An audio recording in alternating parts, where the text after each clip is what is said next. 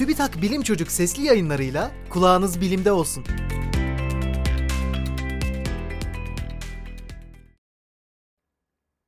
Denizler petrol atıklarından nasıl temizlenir?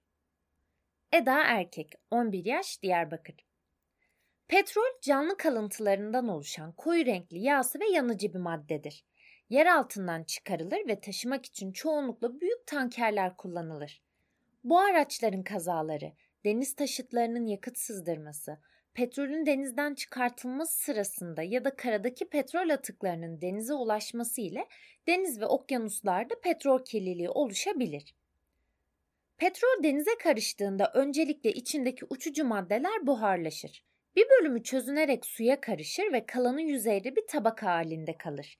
Eğer petrol uzun süre suda kalır ve temizlenmezse deniz tabanına çökebilir ya da kıyıya ulaşabilir.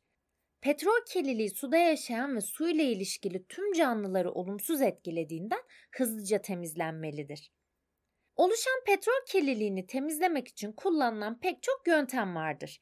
Bunlardan biri denizde yüzen bariyer ya da çit ile petrolün çevrelenmesi.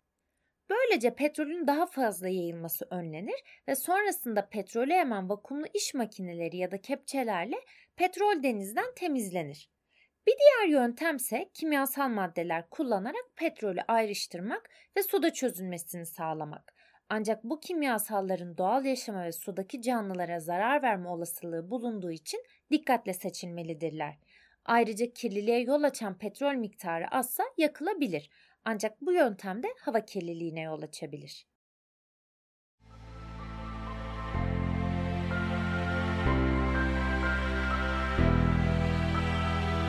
Bilim Çocuk sesli yayınlarını SoundCloud, Spotify, Google ve Apple Podcast kanallarından takip edebilirsiniz.